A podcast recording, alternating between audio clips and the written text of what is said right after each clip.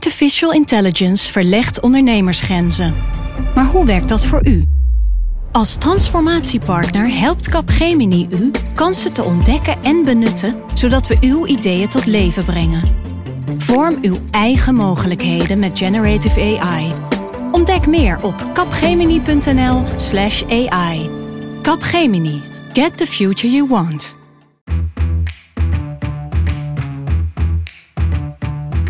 Dit is Haagse Zaken van NRC. Mijn naam is Lemia Aharouai. Het is de grootste crisis uit zijn negenjarige premierschap, zei Mark Rutte deze week over het stikstofprobleem.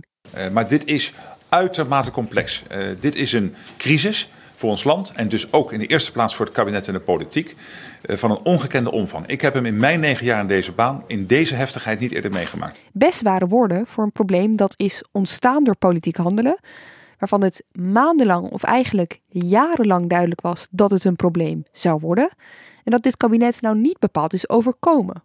In deze Haagse zaken gaan we het hebben over de stikstofcrisis en de totstandkoming van de noodmaatregelen die daarop volgden.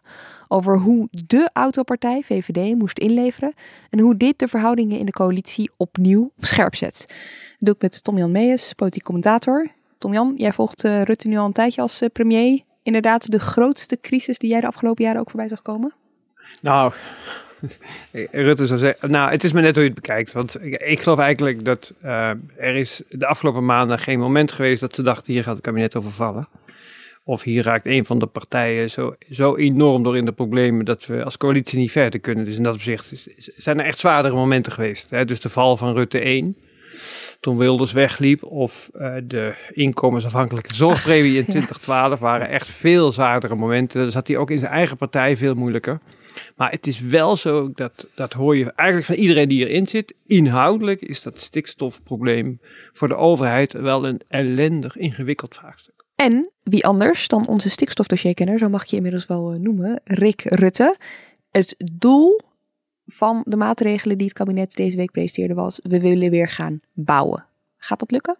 Korte antwoord is ja, dat hopen ze tenminste. Het iets langere antwoord is dat de plannen die deze week zijn gepresenteerd ervoor moeten zorgen dat de rechter straks zegt: ga maar weer bouwen. Nou, wat betekent dat? Het probleem tot nu toe was steeds dat er door die stikstofuitspraak geen enkele vergunning bijna meer werd verleend om, uh, om te gaan bouwen. Dus het werk droogde op, bouwers uh, konden nergens aan de slag. Dat werd een steeds groter probleem. Helemaal in een land waar we ook al met een woningnood zitten. Dus hebben ze nu een paar hele snelle, strakke maatregelen gepresenteerd. We hebben gehoord van de maximumsnelheid die omlaag gaat. We hebben ook gehoord dat het kabinet gaat kijken om te, of er gesneden kan worden in het natuurbeleid, in het aantal regels, in het aantal gebieden. Er is ook nog een noodwet tegen aangegooid. En de hoop is dan van stel dat er nu net als bij het pas, net als bij de, het vorige stikstofprogramma, als er dan iemand naar de rechter stapt, dat hij niet zomaar in het gelijk wordt gesteld door de rechter, omdat die rechter zegt, ja, je doet hiermee veel te weinig voor de natuur. De hoop is nu in het kabinet dat ze nu eindelijk een elf van pakket hebben neergezet dat dat, dat overleeft. Dat bij de rechter stand houdt en waar je weer vergunningen mee uit kan gaan geven. We gaan niet helemaal die pas nog een keer uitleggen. Dat heb je al een keer heel helder gedaan. Aflevering 2 van dit seizoen. Ik zou dat zeker nog even terugluisteren als je dat niet hebt gedaan, voordat je verder gaat luisteren. Maar in het kort, het komt erop neer. De Raad van State die besloot mei dit jaar dat het programma dat gebruikt werd om vergunningen voor bijvoorbeeld bouwprojecten uit te geven, dat dat eigenlijk helemaal geen goede basis vormde. Rick. 18.000 projecten kwamen stil te leggen en het kabinet zette iemand aan het werk om eens te kijken. Geef ons eens advies, was, was eigenlijk de opdracht. Wat moeten we, wat voor maatregelen kunnen we invoeren. Ja, een wijze van buiten. Om, uh, om even wat, uh, wat licht te schijnen. Johan Remkes was dat. Die mocht er met de commissie naar gaan kijken. Toen was al wel duidelijk dat die stikstofuitspraak heel veel zou gaan betekenen. Dus die uitspraak van de Raad van State kwam eind mei. Die weken die daarop volgden werd echt wel voor, voor allerlei ministeries duidelijk dat zij er ook de gevolgen van zouden gaan ondervinden. En als je nu terugkijkt kun je je wel afvragen, hebben, hebben ze er nou goed aan gedaan om toen eerst nog een commissie aan, de, aan het werk te zetten, die toen de hele zomer eh, maandenlang heeft genomen om met een, eh, een, een doorvrocht advies te komen. Hebben ze nou wel goed aan gedaan om daar die commissie zo lang mee in de, het bos in te sturen. En vervolgens daarna nog te wachten voor ze echt maatregelen zouden nemen. Tom Jan, meestal is een commissie inschakelen om onderzoek te doen een soort van vertragingstactiek.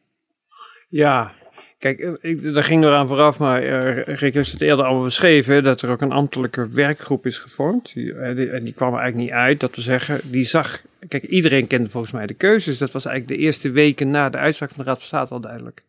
En dat het zwaartepunt zou komen te liggen op maximumsnelheid uh, en veestapel, was, dat werd toen door allerlei mensen al gezegd. Uh, het is natuurlijk wel zo, dat zijn dan eerste indicaties, dus dat moet je dan in het beleid. Beleid maakt altijd ingewikkelder dan het lijkt, dus dan moet je dan allemaal testen en zo. Dus het was, niet, het, was niet, het was wel logisch dat ze dat niet ogenblikkelijk allemaal konden invoeren, maar de, ik, de grote lijnen lagen op tafel. En uh, die taskforce die durfde de keuzes niet aan, zo heb ik het uitgelegd gekregen. Wie zat daarin? Uh, dat waren gewoon topambtenaren van uit mijn hoofd landbouw, uh, infrastructuur. Dus dat is, I, ik gooi altijd elkaar, INW of INM? INM heet INM. het INW. INW, huh? zie je, daar heb je het al. Infrastructuur uh, staat, ja. Uh, economische zaken zat erin. Dus er waren gewoon, kijk naar wat hier de mogelijkheden, de variabelen zijn. En die ambtenaren die hadden eigenlijk, die wekten meteen de indruk bij mij. Ik heb ze niet allemaal gesproken, maar enkele. dat ze precies de richting begrepen. Um, en dat en, en, en Kamerleden die dit dossier langer volgden, wisten het eigenlijk ook. Waarom werd Remkes dan alsnog erbij geroepen? Klopt mijn uh, aanname dan van, uh, mijn wellicht wat cynische aanname van de vertragingstechniek? Ik denk eigenlijk dat het hierop neerkwam. En dat is eigenlijk, dat hebben we het afgelopen half jaar gezien. Om die ruimte te creëren, die Rick net, Rick net schetste, lag uh, terugdringing van de maximumsnelheid als meest voor de hand. Omdat, je dat, omdat dat een maatregel is die je meteen kunt invoeren. Al die andere dingen kunnen ook, maar die kosten meer tijd. En het, is een, het was gewoon een onmiddellijkheidscrisis. Dat wil zeggen, de bouw ging stil liggen. Dat, werd, dat zei iedereen eind mei, begin juni al. Dus uh, uh, daarvoor is ruimte nodig. En daar kwam die maximumsnelheid het meest voor in aanmerking. Om als eerste crashmaatregel te nemen.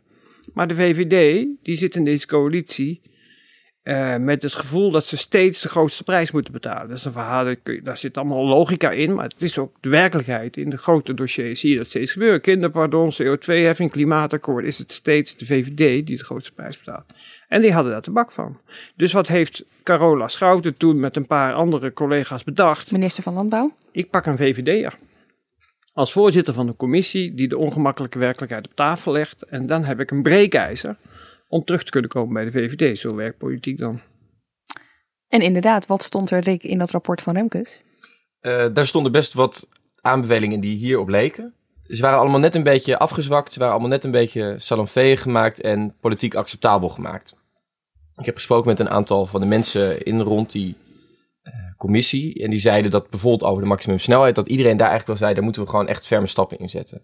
Dat over de uitkoop van boeren, de, hè, de twee grote uh, ideeën om, uh, om echt wat, wat verschil te maken. Dat ook daarvan iedereen zei, daar moet je echt ferme stappen in zetten. En tegelijkertijd wisten ook zij wel dat dat heel moeilijk lag in de coalitie. Dan, ofwel bij de VVD, de maximumsnelheid, of bij het CDA, de ChristenUnie, ook een beetje de VVD, met die landbouwmaatregelen. Dus, wat zeiden ze in dat rapport? Hier moet je wat aan doen, maar je kan dat ook op een gebiedsspecifieke, lokaal afgestemde manier doen. Achteraf sprak ik met mensen die zeiden, misschien hadden we het gewoon wel wat feller moeten aanzetten. Want wat doet de politiek vervolgens met zo'n rapport? Die neemt de meest lichte, milde, vriendelijke interpretatie die er is. Die zwakt die nog een beetje af. En die zegt, daar gaan we de komende weken eens rustig naar kijken of we daar wat mee gaan doen. En dat is precies wat je zag gebeuren. Er kwam een kabinetsreactie op het rapport van Remkes. Uh, die was er vrij snel. Het rapport van Remkes kwam in september, hè? Maar dat bleef heel vrijblijvend. Dat kwam neer op, we gaan nu weer met de provincies kijken hoe we dit allemaal in uh, gaan uitvoeren. En dan hopen we ergens in de komende periode weer een begin te kunnen maken met vergunningen verlenen en uh, eindelijk de boer op gang te kunnen krijgen. Maar dat ging dus ontzettend traag. Waarom ging het zo traag? Omdat het allemaal hele moeilijke taboes zijn. Er was de hele tijd wel verteld door alle partijen dat ze geen zin hadden om... Om taboes aan dit uh, dossier op te hangen. Ze, hadden, ze stonden allemaal open voor allerlei soorten oplossingen. Maar in de praktijk ligt dat natuurlijk toch een stuk moeilijker. Betekent het dat als je jezelf decennia lang hebt neergezet als een partij voor de boeren, dat het best moeilijk is om ineens over te gaan tot een grote uitkoop van boeren. Helemaal als het woordje dwang daarbij valt.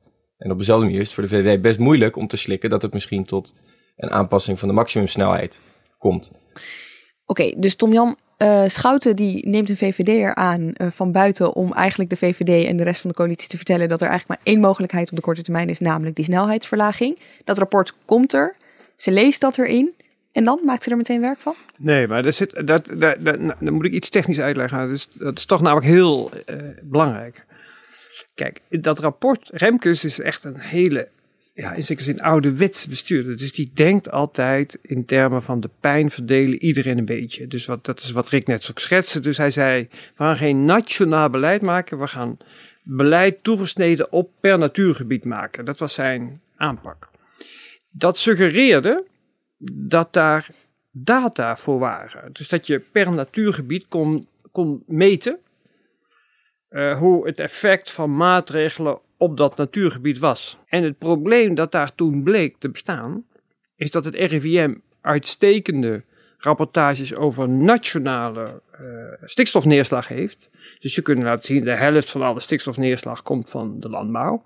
Maar dat die gegevens voor de lokale schaal onbetrouwbaar zijn.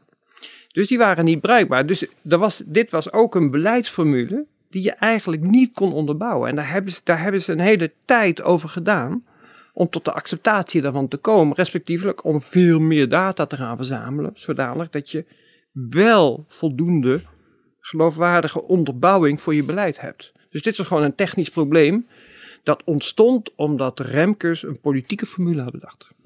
Dit is kennis die niet alleen bij het RIVM niet aanwezig is, maar ook bij de, de twee belangrijkste ministeries op dit dossier echt verdrongen is geraakt. Dus neem infrastructuur en waterstaat.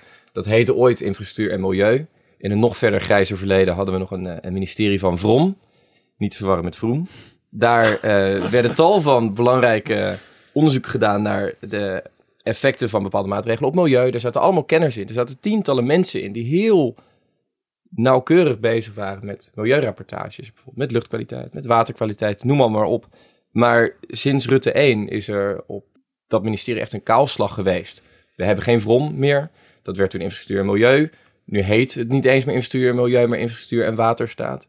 De milieuclub die er zit, die is wat nieuwer, die is wat kleiner. Maar wat gebeurt er met die mensen? Die, gaan dan, die, die worden dan verspreid onder andere ministeries of gaan die helemaal weg? Of? Ja, je hebt aan het einde van uh, de jaren Balken en aan het begin van de jaren Rutte gezien dat er heel erg in het ambtenarenapparaat werd gesneden. Dat was toen ook de mode. Iedereen vond dat er wel wat ambtenaren vanaf konden. En uh, dan kon het zo dat er in een, een regeerakkoord of in een kabinetsplan stond dat uh, we gaan 10% van de ambtenarij wegdoen. En we gaan het nog efficiënter doen ook. Vind maar een manier om het op te lossen. Dat is vrij lastig als je ministerie vertelt dat ze en mensen moeten gaan ontslaan en dat ze ook nog efficiënter moeten gaan werken, zijn ze meestal mm-hmm. zo druk met het wegwerken van mensen dat het van het hervormen niet echt komt. Dus er zijn allemaal mensen vertrokken. En als je dan een paar jaar later besluit of merkt dat je toch uh, mensen nodig hebt die kennis hebben van bijvoorbeeld milieureportages, ja, probeer die andere mensen nog maar eens terug te vinden. Goede kans dat die al lang ergens een veel beter betaalde baan hebben gevonden. Je mist daardoor heel veel ervaring, je mist daardoor heel veel expertise en kennis en netwerk die je ontzettend goed kan gebruiken. En hetzelfde zie je bij het ministerie van Landbouw. Dat heeft een paar jaar niet eens bestaan. Volgens mij 2010, Gerda Verburg. 2010, de laatste minister voor uh, Carola Schouten was Gerda Verburg. Er is daarna wel een staatssecretaris geweest op uh, economische zaken. We hebben Henk Bleker gehad, we hebben Martijn van Dam gehad, Sharon Dijksma gehad. Maar dat ministerie is ontzettend gekrompen. En hij heeft landbouw altijd wel een aardige lobby gehad. Maar juist die tegenhanger, dus ook het ministerie van Natuur en van voedselkwaliteit, dat viel nog wel eens weg. En uh, dan krijg je misschien een, een, minister die er wel is voor de boeren, maar iets minder kan zijn voor natuur en voedselkwaliteit, omdat ook daar gewoon mensen ontbreken. Ja, we hadden bijvoorbeeld wat één ding. Het ministerie van Landbouw had een dienstlandelijk gebied die specifiek was belast met het beheren van die natuurgebieden. Die is gewoon, die is gewoon afgeschaft. Die hele dienst is Die hele dienst afgeschaft. Is het die er werken, zijn allemaal iets anders gaan doen. Dus die deskundigheid die bestaat nog wel, maar die is gefragmenteerd in, in het bedrijfsleven beland. Dus dit is ook een van de redenen. Dus dat die stikstofcrisis mensen heeft verrast, is ook hierin te verklaren. De mensen die het zouden kunnen weten zijn wegbezuinigd. Die ermee waren belast om het te volgen. Ja, ja. Een paar dagen na uh, het rapport van uh, Remkes hadden we natuurlijk hier een paar keer een vol Malieveld achter elkaar. Hè. Ook al genoeg over gezegd. Maar ik ben vooral benieuwd, wat gebeurde er in de tussentijd achter de schermen op het Binnenhof? Dus uh, we hadden die taskforce onder leiding van Carola Schouten. Toen kwam het rapport. Hoe ging dat zich verder ontwikkelen? Nou, kijk, eigenlijk dus dat probleem wat ik net schetste, hè, dus dat, die, dat ze eigenlijk geen data hadden om beleid mm. dat Remkes voorstel te onderbouwen. Dat, was, dat is een inzicht dat langzaam is inge, ingedaald. En vervolgens is de politiek, heeft de politiek zich, nee, het is eigenlijk tegelijkertijd, heeft de politiek zich, ik denk, te eager achter de demonstrerende boeren en vervolgens bouwers geschaard. Wat hier speelde eigenlijk was dit. Kijk, zo'n coalitie, dit is, het is in zeker voor dat stikstofbeleid is deze coalitie eigenlijk heel exotisch. Je hebt namelijk drie partijen die achterbannen hebben die hier echt directe belangen hebben. Hè? Dat, dat zijn de, en je hebt de vierde partij, D66, dat is hoe je het ook bent of keert, een, een partij van stedelingen en cosmopolieten. Vinden ze niet leuk om te die horen? kunnen uit, dat vinden ze niet leuk om te horen, maar het is natuurlijk wel de werkelijkheid. Die zijn heel uitgesproken in hun opvattingen over dit gebied, maar in zekere zin zijn het ook makkelijke opvattingen, want het schaadt hun achterban niet. Mhm. Dus waar je, en dat zag je ook gebeuren, je zag dus een D66-Kamerlid, die uh, Tjeerd de Groot, die hele vergaande voorstellen deed voor de veestapel. Ehm, en eh, die, drie, die, die drie anderen die, die als in reactie erop gingen stijgen. En eigenlijk ook, het eigenlijk ook daar zeiden, vond ik een beetje flauwekul, dat het niet netjes was dat hij dat zei. Hij kan natuurlijk, elk Kamerlid mag voorstellen doen, dus waarom hij niet. Maar hoe dan ook, dat creëerde eigenlijk een soort impasse. En die boeren, waar ik kijk, het meest fascinerende ding aan het hele boerenprotest heeft in NRC Handelsblad gestaan het weekend voorafgaande aan het boerenprotest. En dat is dat het, het protest is geïnitieerd door de grootste veevoederfabrikant van eh, Europa. Die, dat is een Nederlands bedrijf, eh, waarvan ik nu de naam even kwijt ben. Ben jij het nog? Is het voor farmers? Gel- Ja, dat is in ieder geval een bedrijf dat um, aan de hand van de bekende televisiepersoonlijkheid Yvonne Jaspers eh, zichzelf eh, uitstekend in de markt heeft gezet. Nou, die initiëren dat verzet. En dan ontstaat er eigenlijk dit. Het kabinet weet het nog niet. Er komen gemotiveerde boeren. Als je ging kijken, die boeren waren gemotiveerd. Die hadden ook de modder nog aan de trekker zitten. Dus dat kwam geloofwaardig over. En ze wisten zich geen raad. Alleen die Tjeerd de Groot, die, die durfde stand te houden tegen toen ze hier waren op het maaiveld. Zei, ja jongens, het gaat ook niet goed met de natuur. Maar al die anderen, die gingen ze naar de mond praten in meer of mindere mate. En dat was natuurlijk het begin van het echte ongeluk. Je zag het ook letterlijk gebeuren hè, op dat podium. In Ja. de zin van hij werd uitgehuwd en de rest stond erbij en keek ernaar. Ja. En niemand die er iets van zei. Nee, ja, zeker. En Enfin, ja. Maar goed, eh, dat zijn de eh, coalitiepartijen. Maar je hoopt toch dat er ook nog steeds wel een soort van stuurgroep is. Wat, wat, wat gebeurde er met het groepje van Schouten bijvoorbeeld? Hoe ging die ermee aan de slag? Nou ja, nogmaals, kijk, die, die zaten naar elkaar te kijken. Dus die, en die kregen, die, die, die zagen dat hun eigen minister de zaak verder Want er, kwam geen, er kwamen geen eh, maatregelen die, die die boeren in, in een, dwangpositie zou brengen. Het bericht was, eh, mensen, we gaan jullie niet dwingen tot iets dat jullie niet willen. Met andere woorden, als, als er iets gaat gebeuren in jullie nadeel, krijg je daar een zak geld voor terug. Dat zei de overheid. Wat dat betreft was dat boerenprotest in zekere zin heel slim. Want het creëerde eigenlijk dat de politiek zei: we kunnen de bouw niet stil laten vallen. Maar de boeren, die doorkruisten dat eigenlijk door te zeggen: maar de boe- maar, eh, waardoor de politiek ging zeggen: maar we gaan de boeren ook niet aanpakken. En dan zit je in een soort, ja, dan zit je, wat, dat, is, dat is de stikstof inpassen. Want dan, eh, ja, wat zijn je opties dan nog? Nou, maximum snelheid. Dat moet de VVD dan pakken. En de VVD zei, eh, we hebben het eerder dit jaar gedaan met het kinderpardon, het klimaatakkoord en de CO2-heffing. Wij bedanken voor de eer. En dat bleef ook wel eventjes zo. En die, hebben, gewoon- die zijn gewoon vervolgens eh, eh, hard gaan onderhandelen. Er komt nog bij dat eigenlijk al die andere maatregelen gewoon veel langer eh, de tijd kosten om ze echt in te voeren. Stel dat je besluit dat je boeren gaat uitkopen. Dan moet je daar eerst een programma voor optuigen. Nou, daar is een voorbeeld voor. Er stond in het regeerakkoord dan een vergelijkbaar plan op poten om eh, boeren in Oost-Brabant uit te kopen. Varkensboeren. Dat is het warme saneren wat we Ja, steeds het, horen. hè? het warme saneren. Dus niet koud saneren. Je bent niet aan het dwingen. Je bent op een warme manier. Je, je zegt, als jij nu met je boerenbedrijf stopt, dan kunnen wij je uitkopen. En op die manier neem je dus stikstofruimte weg. Want dan zijn er straks minder varkens of koeien. Alleen, je hebt misschien een plan. Je wil dat eerst gaan uitbreiden voor boeren die door de stikstofcrisis worden getroffen. Eh, dus dan ga je het over heel Nederland hebben. Je wil waarschijnlijk niet alleen varkens, maar ook koeien eh, daaronder laten vallen. Dus je moet veel meer plekken en veel meer eh, dieren, veel meer boeren ermee gaan benaderen. Je hebt extra geld nodig.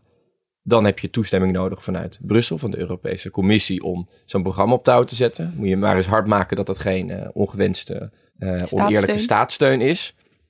En dan moet je nog al die boeren één voor één gaan belasten. En dan uitvinden waar die boeren zitten die misschien voor de meeste overlast zorgen. Uh, die de meeste stikstof uitstoten. Dus dat gaat heel lang duren. Ja, dan kun je zeggen dat, het, dat, het, dat je even een bord moet drukken om, uh, om 100 in plaats van 130 op te zetten. Maar dat gaat natuurlijk een stuk sneller. Dan heb je het over een, een beperkt aantal wegen. Uh, dat is allemaal te overzien. Je moet de regels daarvoor aanpassen. Je moet de snelheidskastjes opnieuw instellen voor de handhaving. Maar dan, dan ben je er. En dan kun je echt op een geloofwaardige manier zeggen: we zorgen dat we nu al iets wegnemen. En daarvoor kunnen we in de plaats de natuur een beetje helpen en de bouw een beetje helpen. Oké, die maatregel die kwam er, dat weten we. Die werd deze week ook gepresenteerd. Ik wil even naar wat daaraan vooraf ging. Zeg maar tussen, vanaf het moment dat het rapport Remkes er was en iedereen elkaar aankeek en het er even een impasse ontstond.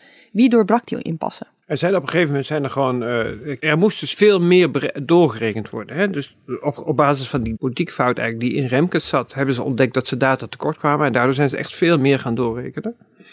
En op een gegeven moment heeft Schouten, meen ik, ja, Schouten was dat, door laten rekenen. Uh, hoe het met de effecten stond van, een, van toch geen regionale, dus per natuurgebied, kortingen of, uh, op de maximumsnelheid, maar een, generieke maatregel voor het schappen van 130 terug naar 100.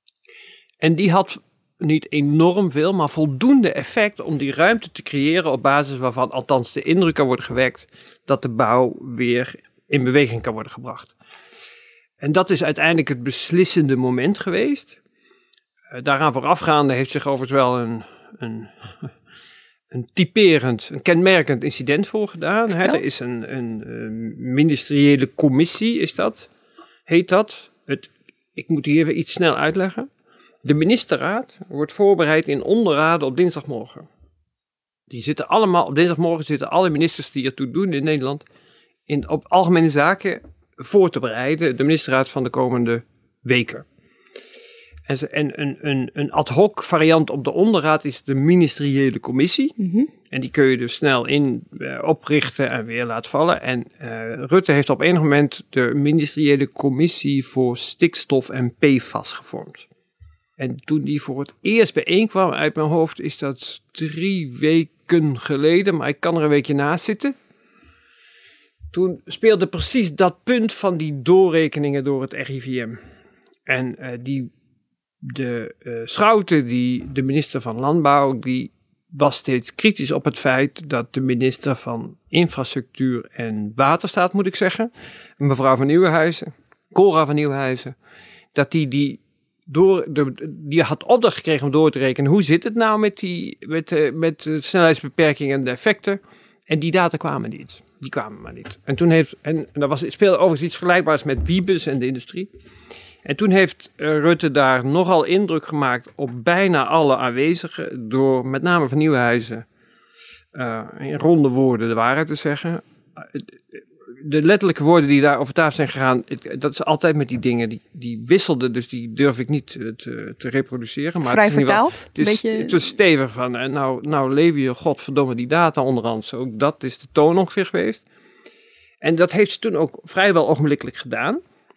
En dat is achteraf gezien weliswaar laat, dus het woord doorbraak is niet meer op zijn plaats. Maar in ieder geval is dat het beslismoment geweest. Op, dat, op het moment dat er data waren, konden ze feitelijk het gesprek voeren om de maatregel die dan deze week is ingevoerd, of aangekondigd, sorry, uh, om, daar uh, overeenstemming over te bereiken. Ja, ik begreep dat uh, Hugo de Jonge hier toch ook een rolletje in heeft gespeeld, omdat Cora van Nieuwenhuizen zo ontzettend treuzelde met die cijfers en het RIVM onder het ministerie van Volksgezondheid valt. Ja. Dat Schouten en Hugo de Jonge, onze minister van Volksgezondheid, op een gegeven moment samen gingen bellen met het RIVM om te vragen naar die cijfers. En dat... toen ging het ineens heel snel politiek is ook toevalligheid.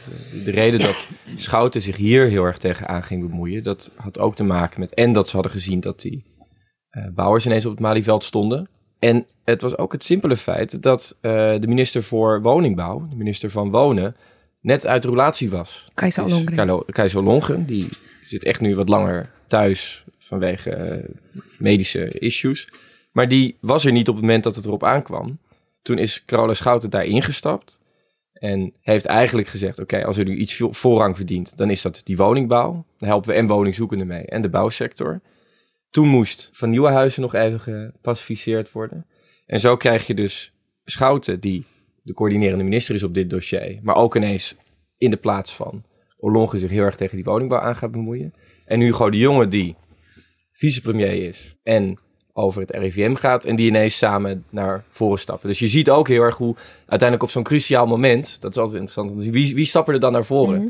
Eh, is dat door een persoonlijkheid? Is dat omdat zij toevallig juist eh, de goede nummers in hun telefoonboek hebben staan? En zo krijg je dus eigenlijk het, de, de dynamische tandem van Schouten en de jongen die op die dinsdag, twee weken geleden, het voortouw gaan nemen. Waarom wilde Van Nieuwenhuizen die, die cijfers eigenlijk niet geven?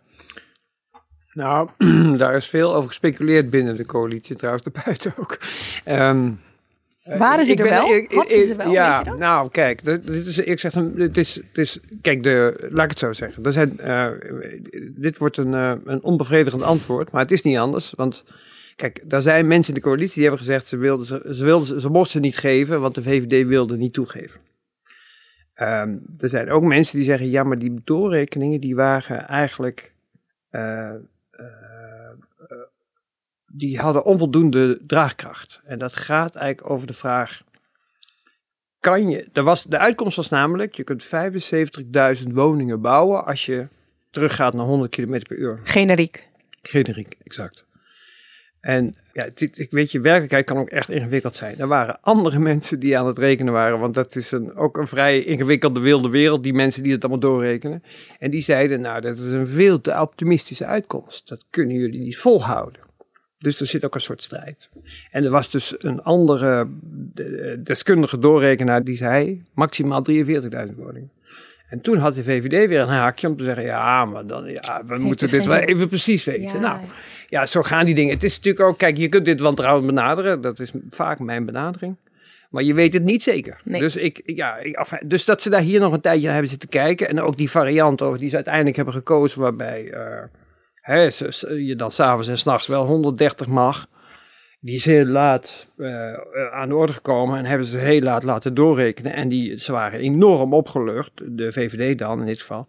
Over het feit dat, die, zulke- dat, die, dat dat mogelijk was. Maandag lijkt het er nog op dat ze er niet gaan uitkomen. Tijdens het coalitieoverleg staan eh, Klaas Dijkhoff en Gert-Jan Segers echt eh, nou ja, tegenover elkaar. Waarbij Dijkhoff zegt een generieke snelheidsverlaging komt er gewoon niet. We willen dat gewoon niet. Waarbij Segers dan zegt wat wil je nou 130 rijden of een crisis in de woningbouw.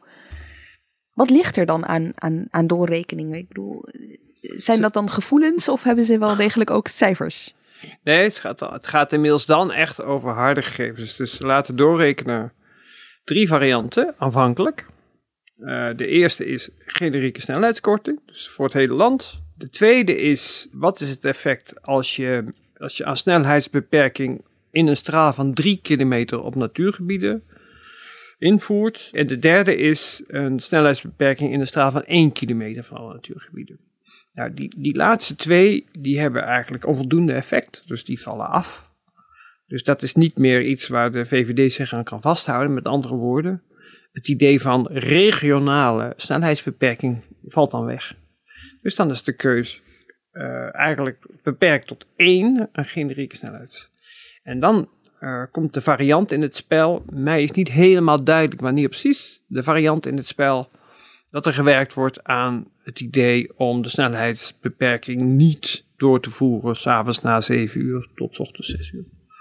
Nou ja, dat wordt uiteindelijk de oplossing. Eigenlijk was de onderhandelingspositie van de VVD ook niet echt heel goed, zou je Eerlijk kunnen zeggen. op gezegd, hè, als je gewoon als je, als je het in, hè, in termen van onderhandelen en de theorieën daarover bekijkt, hebben zij vrij knap onderhandeld. Wel. Ja, zeker. Want kijk, zij, zij, staan, zij stonden met de rug tegen de muur. En dit, nogmaals, dit wisten ze sinds voordat de, brief van het, de eerste brief van het kabinet op 4 oktober uitging. Was al duidelijk, gewoon voor betrokken VVD'ers, die, die maximumsnelheid gaan wij verliezen. Het was gewoon duidelijk. Ze streden er tegen en zo, officieel, formeel. Maar het was duidelijk. Dus dan is het gewoon een kwestie van je nederlaag zo goed mogelijk inkleden. Dus dat een van de dingen. Kijk, we hadden die laatst. Ik zal één snel tussenwegje doen, maar dat is toch heel interessant. Kijk, je had laatst die onderwijsbond. Mhm. Die, gingen, die kwamen hier overleg, onderhandelen op het torentje op een vrijdag. En die gingen ogenblikkelijk akkoord. Die hadden het weekend, de, de week daarna, een staking aangekondigd. Dit is, kijk, dat is de domste onderhandelingstechniek die je in de politiek kan doen. Je moet altijd de indruk wekken aan je achterban. Dat je er werk alles aan gedaan hebt om de pijn zo, zo, zo draaglijk mogelijk voor die mensen te maken. Ja. Dus wat heeft de VVD gedaan? Die heeft het eindelijk zitten rekken om eh, maar voldoende de indruk te wekken. Maar we hebben alles gedaan om te voorkomen dat we de 130 gingen verliezen. Oké, maar En dat is- De grootste ze... crisis. Maar, Ja, dit, maar wacht, dit meegemaakt. is vorm. Dus wat hebben ze voor teruggekregen? Een, go- een goede onderhandelaar krijgt er ook wel kijk. degelijk iets voor terug. Ja, maar kijk, nou ja, die, ik, voor de mensen die het belangrijk vinden, ik, ik ken ze niet, maar voor de mensen die het belangrijk vinden, mogen, die mogen dan s'avonds een nacht hard rijden. Dus dat, oké, dat is één. En al die andere dingen, volgens mij, maar goed, daar weet ik meer van. Maar ik heb niet de indruk dat dat hele betekenisvolle dingen zijn. Op één aspectje, nou, dat gaat die eiwitten, maar dat is een verhaal apart. En, en wat voor de VVD geldt, geldt natuurlijk ook heel erg voor Cora van Nieuwenhuizen.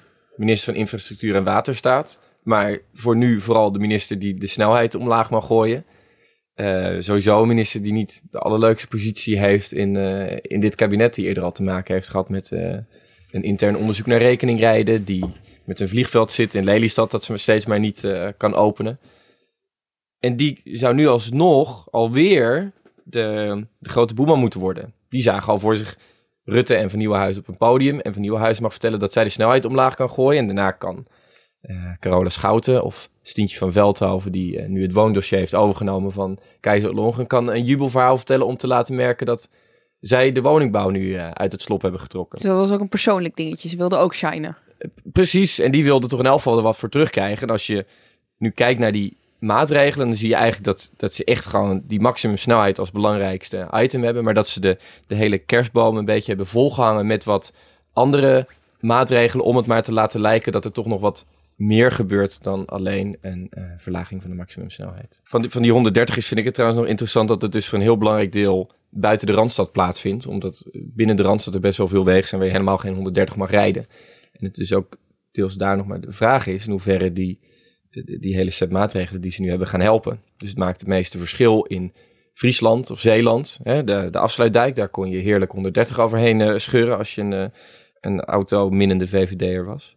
Maar dat zijn niet de plekken waar de woningnood het hoogste is. Dus die, het effect daarvan is nog, eh, Oh ja. is nog een beetje te bezien. Dat is niet per se een landelijk effect dan ook. De maatregel is landelijk, maar het effect zal per, per plek enorm verschillen. Want er zijn op bepaalde plekken gewoon veel meer 130 wegen dan op, dan op andere plekken.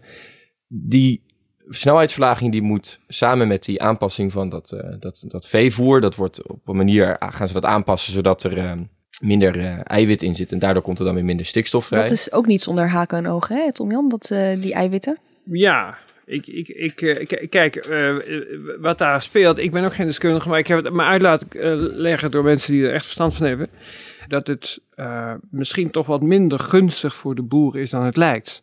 Eh, het zorgt voor een lagere melkproductie, of in elk geval voor melk met minder eiwit. En dan wordt de melk of duurder, of de boeren verdienen minder geld aan de melk. Dus eh, beide opties zijn misschien toch wat minder eh, aantrekkelijk voor de landbouw dan eh, deze week de presentatie suggereert. Ja, want het werd gedaan alsof dat een makkelijk, weet je wel, dat, dat doen we ook nog eventjes. eh, het voer, en dat heeft allemaal wonderlijke consequenties voor de uitstoot van ammoniak. Maar er zit dus wel degelijk ook wel een financiële component aan. En de dat komt bij dat de overheid niet in de hand heeft. Hè. Dus 130 kan je gewoon zelf invoeren en Ja. dat moet de markt doen. Oké, dus. Daartegenover staat dan dat je extra woningen kan gaan bouwen. En dat je alsnog, hebben ze nu op het laatste moment dus besloten, wat infrastructurele projecten weer op gang kan trekken. Het is eigenlijk interessant om naar te kijken, want de het kabinet heeft de ambitie om 75.000 woningen te bouwen. Zijn ze allemaal deals voor aan het sluiten om die woningnood op te lossen. Nou, daar ben je ook met 75.000 woningen volgend jaar nog lang niet. Maar dat doel om daar iets aan te doen was natuurlijk nog verder buiten beeld geraakt als ze eh, nu door stikstof nog minder woningen hadden kunnen bouwen. Dus ze wilden iets doen. Maar daar gaat het ze dus misschien wel parten spelen dat ze op bepaalde plekken regionaal nog steeds niet het verschil maken dat ze willen maken.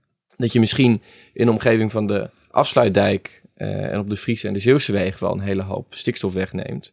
Maar dat juist in bepaalde gebieden in de Randstad je niet zoveel winst maakt. Terwijl dat juist de plekken zijn waar de woningnood het hoogst is. En dat zijn soms ook nog eens de plekken waar, nou, precies omdat de Randstad natuurlijk vol zit met industrie en met forensen en met huizen en noem maar, maar op. Dat ook nog eens een plek is waar heel veel van de meest kwetsbare gebieden staan. Wat wil het kabinet nog meer doen? Ja, ze hebben een, eh, een handig trucje bedacht. Dat is dat er eh, extra geld van het ene potje naar het andere potje wordt geschoven om te saneren. Dus om boeren uit te kopen. Dus daar komt wat meer geld voor beschikbaar. Maar dat was al elders meegerekend. Alleen de stikstofwinst die ze daar boekten, die hadden ze nog niet meegenomen. Dus hebben ze nu met een soort balletje-balletje eh, achtige methode dat nu ook meegenomen. En er komt nog een noodwet. Want je kan flink bij gaan bouwen door die verlaging van de maximumsnelheid. Maar er zijn nog een paar projecten waar je gewoon regionaal niet genoeg compenseert. En waarvan ze hebben besloten, die willen we toch wel heel graag bijbouwen.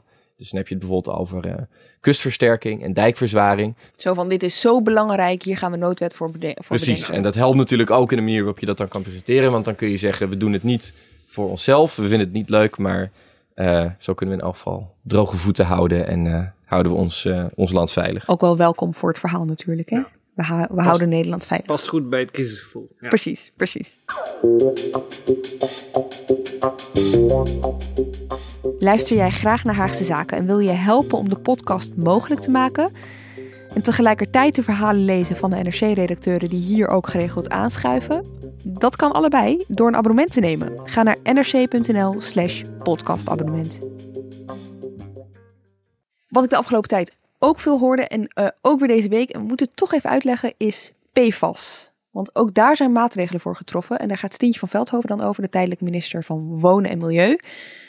Durft iemand het aan om PFAS in het kort uit te leggen? Het gaat erom dat PFAS is een verzameling van allemaal giftige stoffen die in de bodem zitten. En op het moment dat je daar, uh, ja, daarin gaat zitten vroeten eigenlijk, zoals uh, de bouwwereld uh, doet voor de kost, kom je in de problemen. Vorige maand werd duidelijk dat die stoffen inderdaad schadelijker zijn dan gedacht. En werd meteen ook duidelijk dat er meer onderzoek nodig was. Ze zitten eigenlijk met twee issues in de bouw. Zitten en met vervuilde grond, waardoor ze niet makkelijk aan de, aan de slag kunnen met bouwen. En ze zitten met regels um, die het voor hen heel moeilijk maken om uh, gewoon wettechnisch ermee te beginnen. Nou, wat hoopten die bouwers nu te horen deze week, was dat ze uh, even zich geen zorgen hoefden te maken om die regels en dat ze van die grond af konden. Maar ze hebben maar één van die twee gekregen. Van Veldhoven heeft hen namelijk wel beloofd dat er uh, speciale depots, baggerdepots van het Rijk. Ik wist niet dat die bestonden, maar die zijn er blijkbaar. Dat je daar straks al je vervuilde grond heen kan, kan rijden. Um, Leuk om in de buurt te wonen. Ja, precies. Ja. Uh, ik, ik, weet ook niet waar ze precies zijn, maar dat zijn drie plekken in het land. Dus dat is niet een, een, een gigantische verzameling uh, depots, maar dat is maar een heel klein aantal. En wat ze die bouwers niet heeft gegeven, is een verhoging of een uitschakeling van die, van die regels. Dus die bouwers zeggen, we weten niet precies wat nu de gevolgen zijn. Schrap nou even die norm of gooi die norm even omhoog, dan kunnen wij gewoon aan de slag.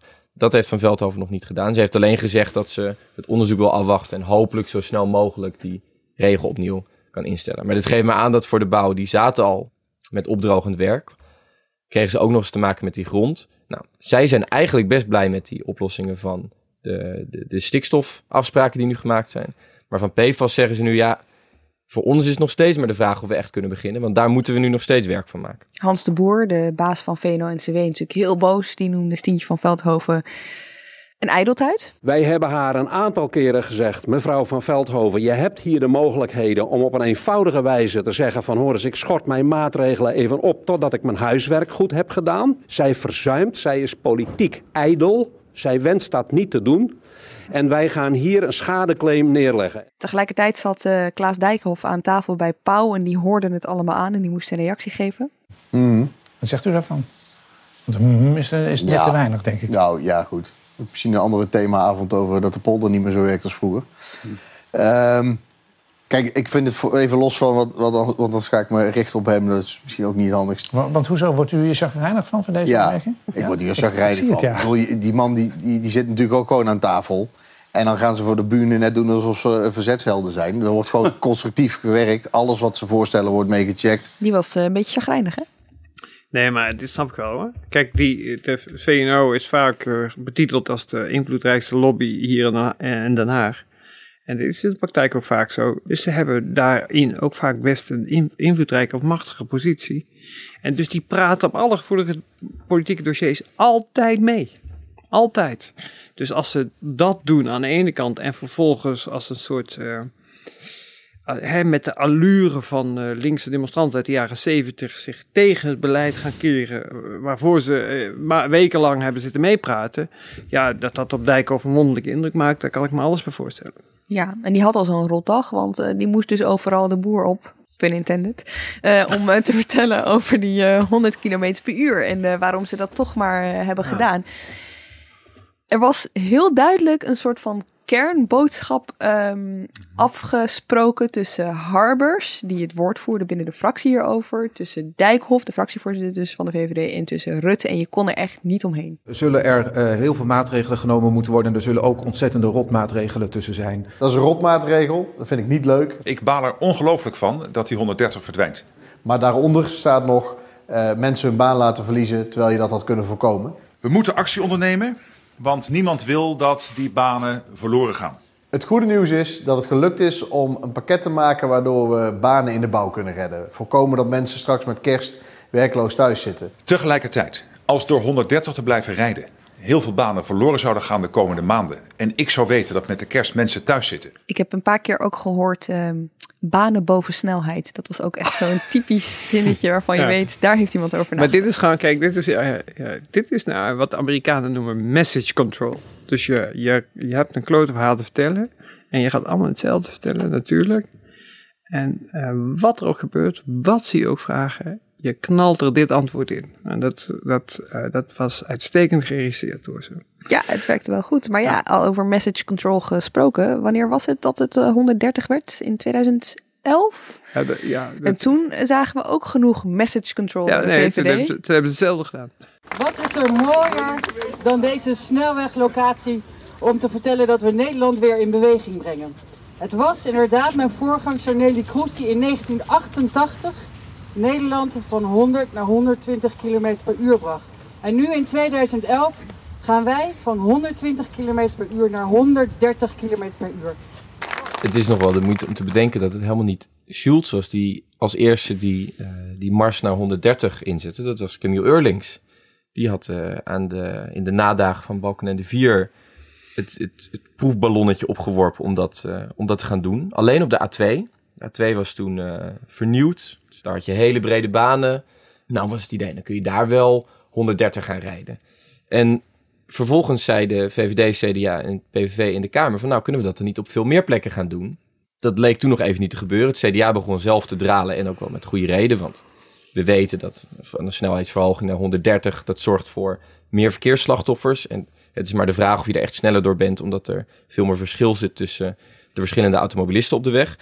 Maar uiteindelijk kon, eh kon Schulz ermee gaan lopen in eh, Rutte 1 en Rutte 2. En die kon de ene na de andere eh, snelweg openen met een, een 130-bordje ernaast. Is het nou echt gevaarlijk voor de VVD? Dit?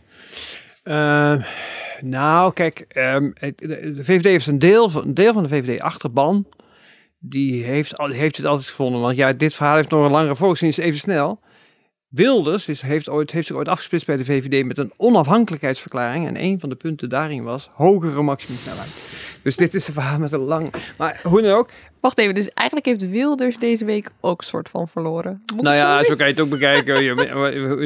Ik geef er een, eh, een draai aan. Ik vind het prima. Kijk, de VVD onder Rutte heeft eigenlijk deze ontwikkeling doorgemaakt. Die hebben de, de, de rechtse mensen in Nederland met die relatief optimistisch zijn over hun eigen leven en het land, die hebben ze aan zich gebonden en behouden. En de mensen met een pessimistische kijk op het land en het leven, die hebben ze verloren aan Wilders, respectievelijk Baudet. En onder die optimisten zitten, zitten, blijken ook best veel mensen te zitten die het belangrijk vinden dat ze 130 kunnen rijden. Dus daar, daar zijn zij gewoon kwetsbaar. Vandaar dat ze het ook eh, zo hebben gepresenteerd zoals ze het hebben gepresenteerd. Eh, dus dit is geen leuk verhaal voor ze. Maar kijk, de aanname dat het tot een soort eh, rechtse opstand leidt die de VVD het regeren onmogelijk maakt en zo, daar geloof ik eigenlijk niks van. Want omdat ik denk dat toch uiteindelijk de meeste van die mensen die zaten al, die zitten al bij Wilders of Baudet. We kunnen wel constateren, de VVD heeft tot nu toe in dit dossier het meeste ingeleverd, toch? Nou, totaal. Ja. Die hebben totaal.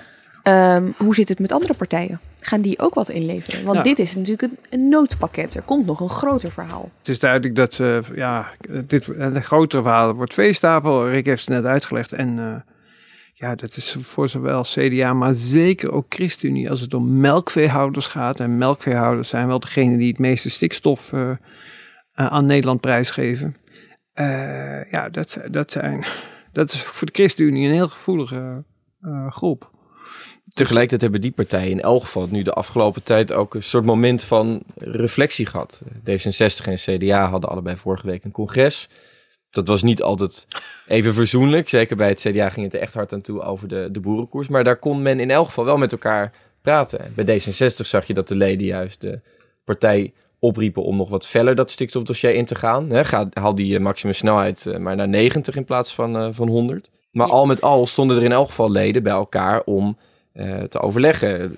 Je ziet bij de ChristenUnie dat Gert-Jan Segers net een boek heeft uitgebracht, het, het land intrekt. De VVD had dit voorjaar zo'n moment met een discussiestuk van Klaas Dijkhoff. Toen stond die koers daar ter discussie. Nu zie je dat de discussie daar heel erg via de Telegraaf en via andere media gevoerd wordt. Maar wat er bij het CDA is gebeurd, maakt het juist extra moeilijk, lijkt mij, voor het CDA om deze onderhandelingen in te gaan. Want ze wilden juist op een, met een andere blik in het discussiestuk gaan kijken naar landbouw. Hè. Uh, het hoeft in, Nederland hoefde niet meer de tweede voedselexporteur van de wereld te zijn, want het moest gaan om dierenwelzijn, het moest gaan om duurzaamheid. Dat zinnetje is er uitgesloopt nu, uh, onder leiding van uh, Andy Schreier-Pierik. Dus wat betekent dat dan voor de onderhandelingen van het CDA over dit stikstofdossier? Ze, kunnen, ze hebben eigenlijk een soort van uh, teken gekregen van hun achterban. Let op, niet te scherper ingaan. Ja, en, en, en, en er komt nog bij, denk ik, dat.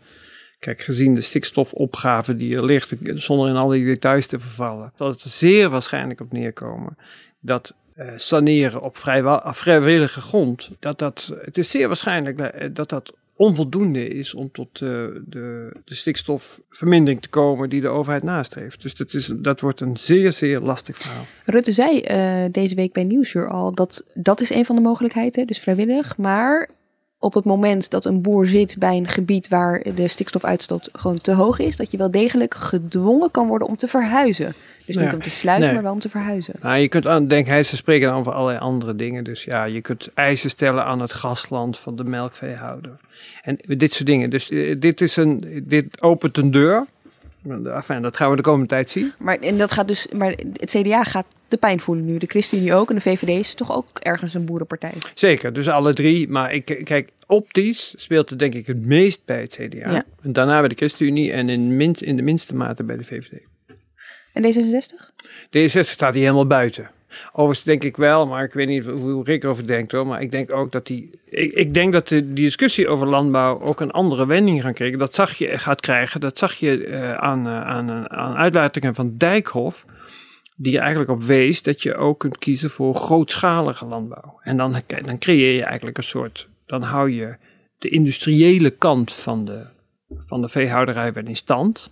Maar dan neem je eigenlijk afscheid eh, van de kleinschalige veeboer. En dat is waar het CDA het meest gevoelig ligt. En ik denk eerlijk gezegd dat je langs die lijnen het politieke gevecht zult zien. Want ik denk, ik zeg niet dat ze uit zijn op wraak bij de VVD. Maar, Maar? dat die denken van nou, we hebben er één geïncasseerd, nu mogen de anderen. Dat lijkt me erg voor de hand liggend. Dat is eigenlijk ergens in dit alles een soort van voordeel van de VVD. We hebben Nou iets ja, ik, nou, ik denk niet dat die er veel plezier gaan beleven. Maar ik, ik denk, ik, dit, ja, zo werkt het politiek vaak. Kunnen ze ook op andere dossiers nu iets terugkrijgen? Want we zijn nu allemaal heel erg gefocust op het stikstof. Maar kan het ook zijn, heeft, heeft de VVD zoveel krediet opgebouwd dat ze nu ook, eh, nou ik zeg maar wat, terughalen van IS-kinderen? Nee, kijk, de, weet je, nee. Kijk, de ervaring van de, volgens mij is, kijk, de VVD zit gewoon echt ontzettend ellendig in deze coalitie. En dat is gewoon het product van hoe Rutte 1 en 2 zijn verlopen. Die hebben, die beide experimenten, of die beide kabinetten hebben ertoe geleid dat de coalitiepartners eh, zwaar, zwaar eh, ver- verlies leden. En, en deze drie coalitiepartners van de VVD, die hebben daar maatregelen voor getroffen. Doen ze eigenlijk steeds bij elk groot gevoelig onderwerp. Dat is ook de reden dat het vaak zo lang duurt.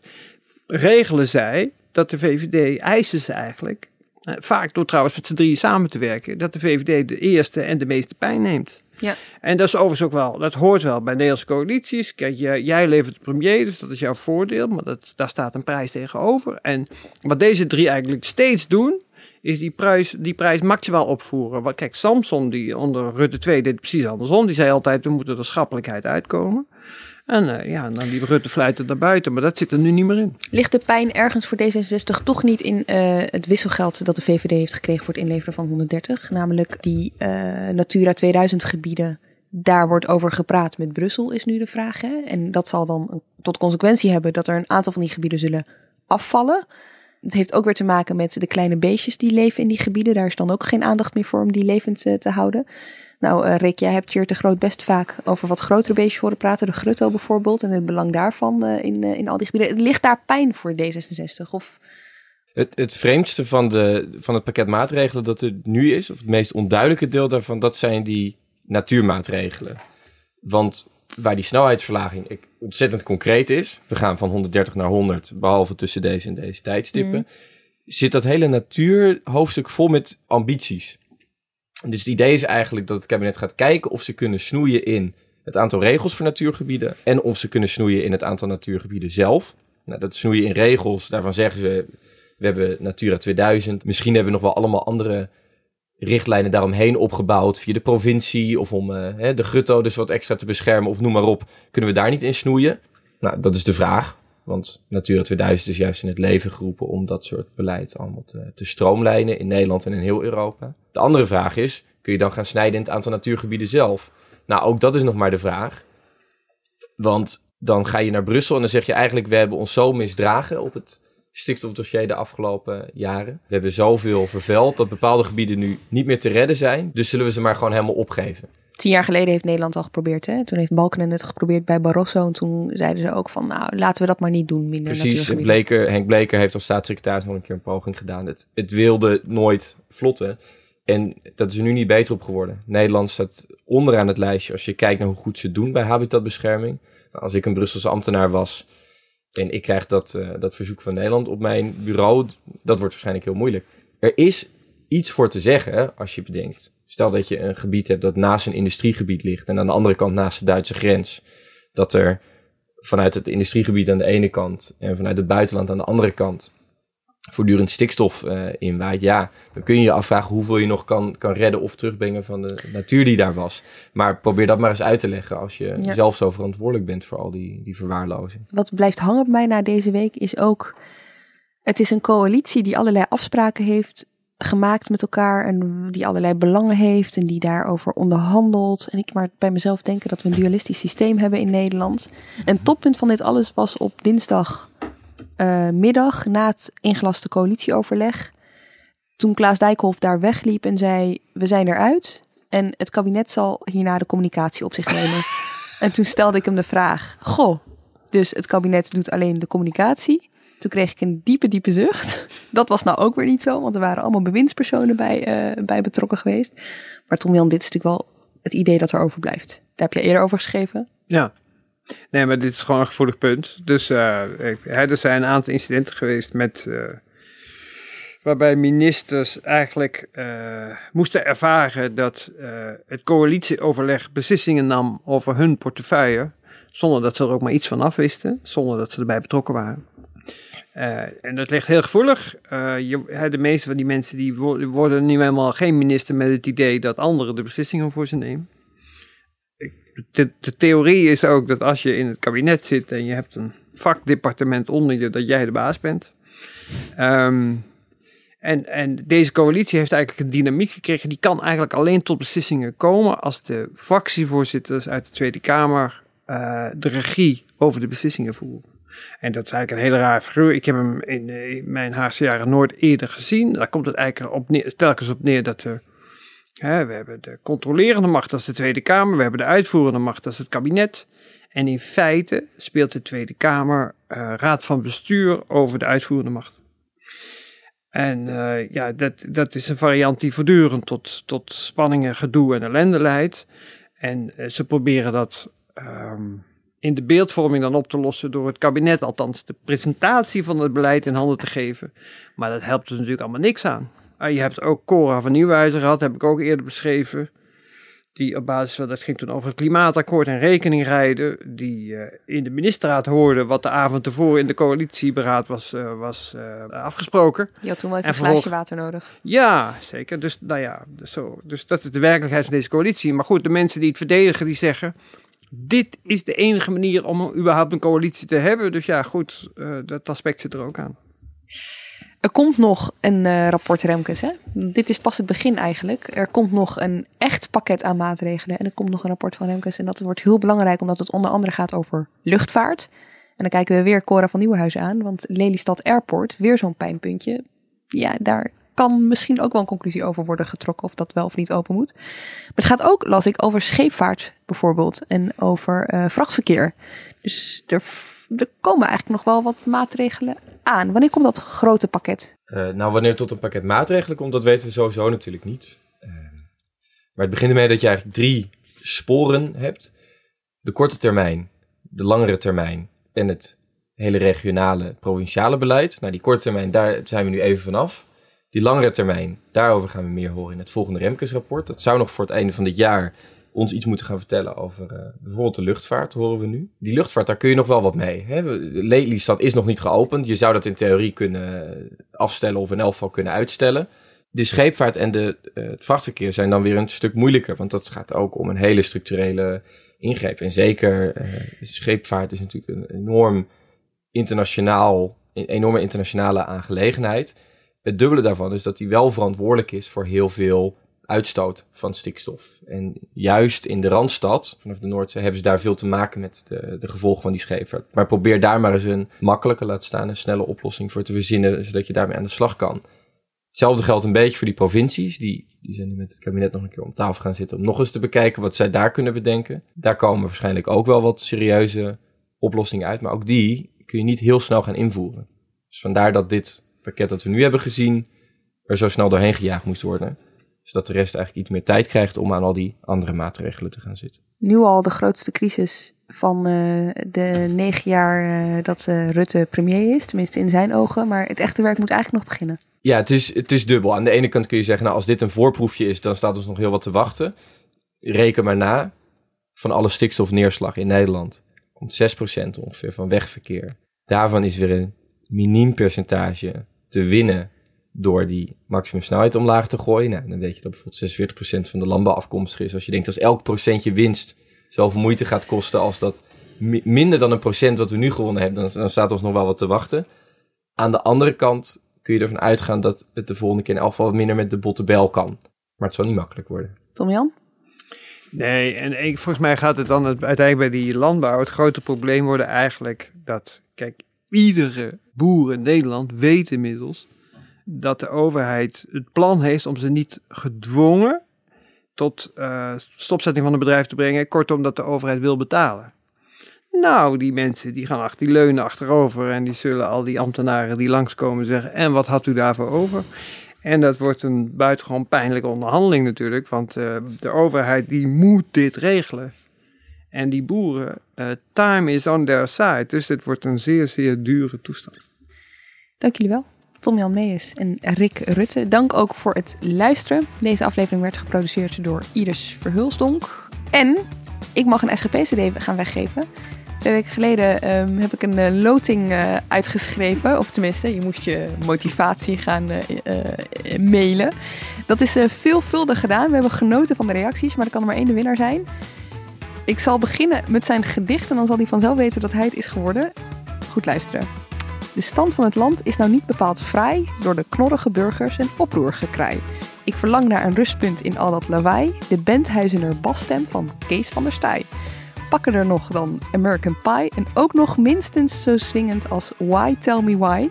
Vandaar dat ik binnenkort niets liever draai dan het vrome gejodel van Kees van der Staaij. Koen Cornelissen, gefeliciteerd. We nemen contact met je op.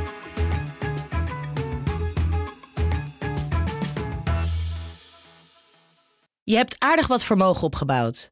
En daar zit je dan, met je ton op de bank. Wel een beetje saai, hè? Wil jij, als belegger, onderdeel zijn van het verleden of van de toekomst? Bridgefund is een slimme fintech die een brug slaat tussen de financiële behoeften van ondernemers en van beleggers. Dus wie belegt bij Bridgefund krijgt niet alleen een mooie vaste rente, maar brengt ook ondernemers in beweging. Echt waar, met die ton kan je zoveel betere dingen doen. Bridgefund. Make money smile.